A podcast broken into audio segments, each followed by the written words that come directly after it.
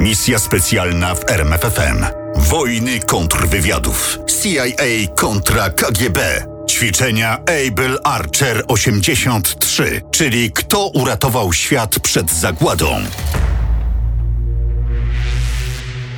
We wtorek wieczorem, 8 listopada 1983 roku, stacje nasłuchu radiowego na terenie Związku Radzieckiego wychwyciły tajną depeszę wysłaną z Waszyngtonu do głównej kwatery NATO w Belgii. Natychmiast o depeszy powiadomiono Jurija Andropowa. W Moskwie zapanowała panika. Obowiązująca w Związku Radzieckim doktryna wojenna mówiła, że w tak dramatycznej sytuacji jedyną szansą uniknięcia ataku jądrowego było uderzenie wyprzedzające. Wydawało się, że wojna jądrowa wybuchnie zanim nastanie świt. Marszałkowie i generałowie wezwani na Kreml przez sekretarza generalnego Jurija Andropowa niecierpliwie czekali na decyzję. Ale Andropow milczał. Odezwał się natomiast minister obrony narodowej, marszałek Dmitrij Ustinow. Towarzyszu sekretarzu, jeśli chcemy przeprowadzić atak wyprzedzający, musimy natychmiast rozpocząć przygotowania do uderzenia. Poczekajcie, marszałku Ustinow. Nie mamy przecież pewności, że imperialiści chcą nas zaatakować.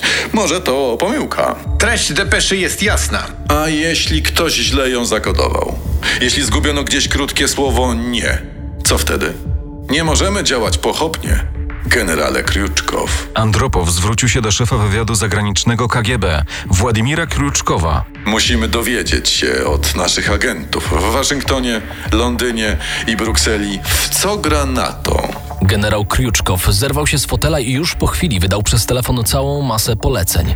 Olbrzymia machina KGB została wprawiona w ruch. Do rezydentur w najważniejszych państwach NATO wysłano depesze. Tego dnia, 8 listopada 1983 roku, długo paliły się światła w oknach radzieckiej ambasady w Londynie. Oleg Gordijewski, radca ambasady i oficer KGB z sekcji wywiadu politycznego skończył właśnie pilną robotę. Zamknął dokumenty w szafie pancernej i zbierał się do domu, kiedy do jego pokoju zapukał szyfrant. Pilna depesza z centrali. Gordijewski westchnął, po czym wziął małą kartkę papieru i zaczął czytać. Sytuacja krytyczna.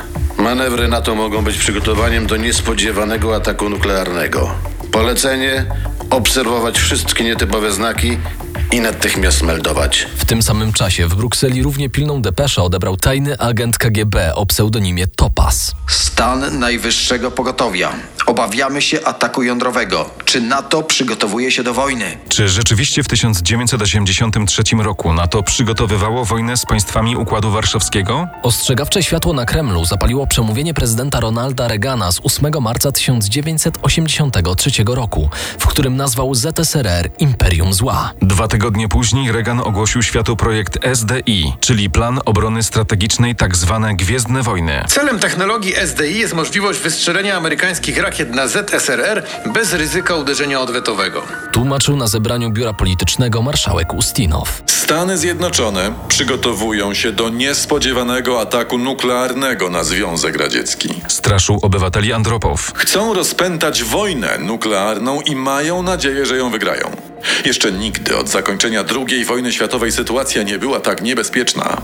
Nową falę niepokoju w kierownictwie radzieckim wzbudził wzrost zaszyfrowanej komunikacji między Wielką Brytanią a Stanami Zjednoczonymi. Analitycy KGB uznali ten ruch w eterze za konsultacje nuklearne w NATO. Ich zdaniem wojna zbliżyła się wielkimi krokami. Andropow przekonał się, że operacja Rian znów przynosi korzyści. Czuł wewnętrzną dumę. To był jego autorski pomysł jeszcze sprzed dwóch lat, z maja 81 roku. Chodziło o to, aby nie dać się zaskoczyć rakietowemu uderzeniu Stanów Zjednoczonych. Stąd też wzięła się nazwa Rakietno-Jadiernoje Napadiennie, atak rakietowo-jądrowy. A ponieważ psychoza strachu w Moskwie była wysoka, Andropow zaprosił do współpracy rywali z wywiadu wojskowego GRU. W lutym 83 roku, czyli jeszcze przed przemówieniami Reagana, Rian uzyskał szczególny stopień pilności. To wówczas centrala KGB rozesłała do swoich placówek telegram informujący o możliwości przeprowadzenia niespodziewanego ataku jądrowego pod pozorem manewrów bądź ćwiczeń. Zaczynał się mozolny okres ciągłego czuwania całego personelu operacyjnego placówek wywiadowczych. Sprawdzano ceny krwi, zapasy ropy i podaż mięsa, ruch samochodów dyplomatycznych. Gordijewski, który trafił do Londynu właśnie w związku z operacją Rian, miał niezwykle dużo obowiązków, z których zresztą część wydawała mu się zupełnie absurdalna. Agenci musieli szukać dowodów na przygotowania NATO do wojny. I nie można było pisać zgodnie z prawdą, że nie ma takich sygnałów. Poza taki raport można było nieźle oberwać od przewrażliwionych notorycznie szefów KGB. Doradca Margaret Thatcher, Sir Charles Powell, zapamiętał z tamtych dni dziwne zachowanie agentów KGB. Radzieccy szpiedzy musieli na przykład obchodzić budynek Ministerstwa Obrony po 21.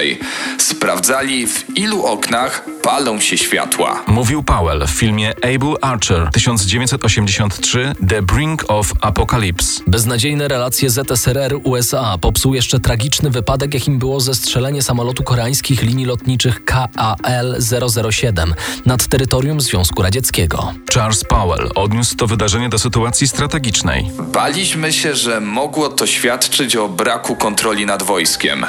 O tym, że jakiś lokalny dowódca mógł wydawać takie rozkazy z własnej inicjatywy, bez porozumienia z Moskwą.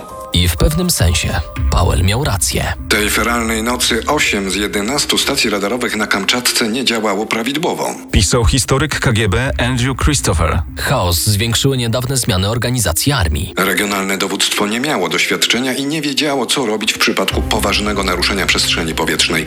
W rezultacie zareagowało bałaganem i brutalnością. Pisał Christopher. Niemal cztery tygodnie później kolejne zdarzenie znów rozpaliło umysły w Moskwie. 26 września system wczesnego ostrzegania o kryptonimie OKO poinformował o wystrzeleniu międzykontynentalnej rakiety balistycznej z terytorium Stanów Zjednoczonych. Pułkownik Stanisław Pietrow poderwał się z fotela. Najpierw spojrzał na monitor komputera, potem z mocno bijącym sercem sprawdził naziemne radary wczesnego ostrzegania. Radary nic nie wykryły. Wspominał Pietrow. Odetchnąłem. Jednak nie na długo. Po chwili alarm włączył się na nowo. Tym razem system zauważył nie jedną, a cztery rakiety. Co teraz? Zastanawiał się pułkownik. Krótko się wahał, nacisnął guzik i alarm ucichł. Co skłoniło Pietrowa do takiej decyzji? System był nowy i wcześniej działał nieprawidłowo, o czym pułkownik Pietrow dobrze wiedział. Ale był jeszcze jeden powód. Uczono nas, że atak nuklearny wymagałby tysięcy jednoczesnych startów, a nie jednego czy czterech pocisków. Dochodzenie, które nastąpiło później, ujawniło, że system rzeczywiście działał nieprawidłowo. Fałszywe alarmy były spowodowane rzadkim odbiciem światła słonecznego od chmur, co wychwyciły radzieckie satelity, a system OKO źle zinterpretował. Tragedie, pomyłki, wzajemne oskarżenia. Tak wyglądało tło relacji między Waszyngtonem a Moskwą, kiedy w środę 2 listopada 1983 roku do podziemnej siedziby naczelnego dowództwa NATO w małym miasteczku belgijskim Casto zeszli najwyżsi oficerowie NATO. Rozpoczynały się ćwiczenia pod kryptonimem Able Archer 83. Według scenariusza NATO przygotowywało atomowe uderzenie na kraje Układu Warszawskiego. Były to zwyczajne ćwiczenia łączności dowództw armii NATO. Trenowano płynne przejście z operacji konwencjonalnych do ataku nuklearnego. Takie ćwiczenia Pakt Północnoatlantycki organizował nie pierwszy raz i Rosjanie o tym wiedzieli. Tym razem jednak zdecydowano się na pewną modyfikację. Dowództwo NATO postanowiło symulować atak bronią jądrową na pełną skalę. Scenariusz drugiego dnia ćwiczeń informował o wkroczeniu wojsk radzieckich do zachodnich Niemiec, do Norwegii i Grecji. Tego też dnia rezydentura KGB w Londynie otrzymała pismo ostrzegające przed realnym zagrożeniem ataku nuklearnego. Ted Bliss, szef operacji jądrowych przy Able Archer, zauważył nerwowe zachowanie radzieckiego wywiadu. Po całej Belgii jeździły radzieckie samochody pelengacyjne. Łączność grała na terenie całej Europy, od Grecji, Włoch po Norwegię. Z przepływu informacji, które oczywiście znakomicie słyszeli Rosjanie, można było wywnioskować, gdzie znajdują się dywizje natowskie, gdzie sztaby armii, a gdzie dowództwo strategiczne. Każdy meldunek był opatrzony informacją ćwiczenie, ćwiczenie, ćwiczenie. To jednak nie przekonywało kierownictwa radzieckiego, które nadal trwało w przeświadczeniu o agresywnych zamiarach NATO. W poniedziałek, 7 listopada, w amerykańskich bazach na całym świecie wojsko przeszło w stan podwyższonego pogotowia. W Moskwie odezwał się alarm. Ktoś z analityków centrali KGB zauważył, że alarm mógł mieć związek z niedawnym zamachem bombowym na koszary żołnierzy amerykańskich w Bejrucie. Należało to jednak zweryfikować. A tymczasem NATO rozpoczęło kolejną fazę ćwiczeń. Przygotowano atak jądrowy na cele w NRD, Polsce, Czechosłowacji i ZSRR. Tajnym kanałem zostały przekazane do Waszyngtonu i Londynu prośby o zgodę na atak. Odpowiedź nadeszła bardzo szybko. I to właśnie te depesze wychwycił nasłuch radziecki wieczorem 8 listopada. Panika na Kremlu sięgnęła zenitu. Andropow, nie wiedząc co tak naprawdę się dzieje na zachodzie, czekał na meldunki z rezydentur KGB. Na wszelki wypadek kazał wyprowadzić z baz radzieckich pierwszy rzut armii. Dywizje pancerne i zmotoryzowane przygotowywały się do ataku. Bombowce atomowe postawiono w stan pogotowia. Przyszedł rozkaz wszyscy piloci do maszyn. Były analityk CIA Peter Price stwierdził. Samoloty były zaledwie wierzchołkiem góry lodowej. Zgodnie z radziecką procedurą wojskową przygotowano również silosy rakiet balistycznych. Miał rację. Radzieckie atomowe siły strategiczne w tajemnicy zostały postawione w stan podwyższonej gotowości bojowej. Nadal czekano jednak, co powiedzą szpiedzy, Gordijewski i przede wszystkim Topaz. Topaz miał do dyspozycji niepozorne urządzenie przypominające zwyczajny kalkulator. Teraz musiał je wykorzystać. Napisałem krótką informację i ją zakodowałem. To niepozorne urządzenie skondensowało ją do bardzo krótkiego dźwięku. Potem poszedłem do telefonu w budce telefonicznej, wybrałem numer, a kiedy uzyskałem połączenie, przyłożyłem do słuchawki mój niby kalkulator i nacisnąłem guziczek.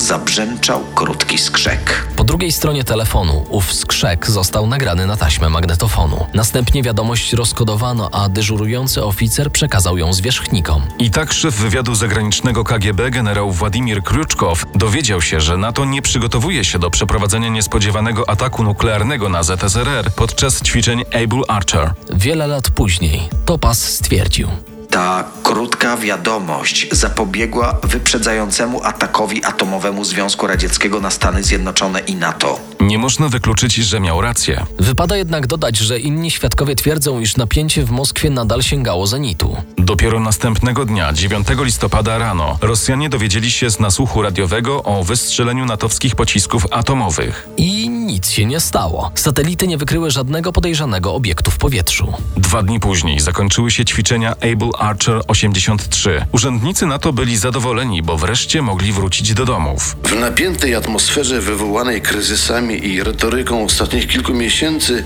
KGB doszła do wniosku, że siły amerykańskie były w pogotowiu, a może nawet rozpoczęły odliczanie do wojny. Mówił Gordijewski. Świat nie stanął na krawędzi otchłani nuklearnej podczas operacji Rian, ale podczas Able Archer 83, zupełnie nie zdając sobie z tego sprawy.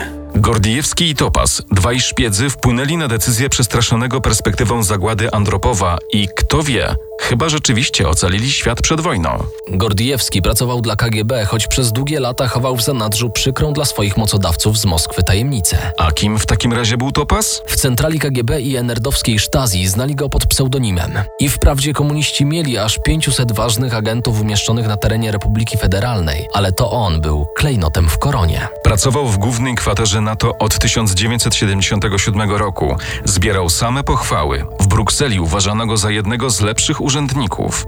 Od samego początku uważałem NATO za wroga.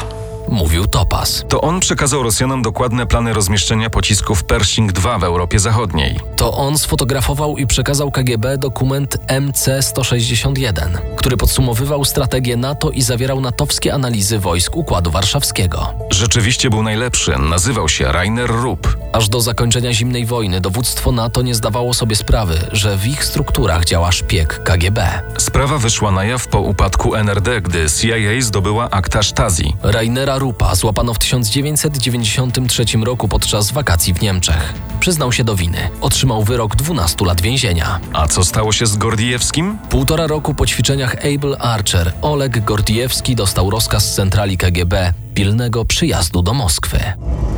Misja specjalna w RMFFM. Na tropie największych tajemnic historii.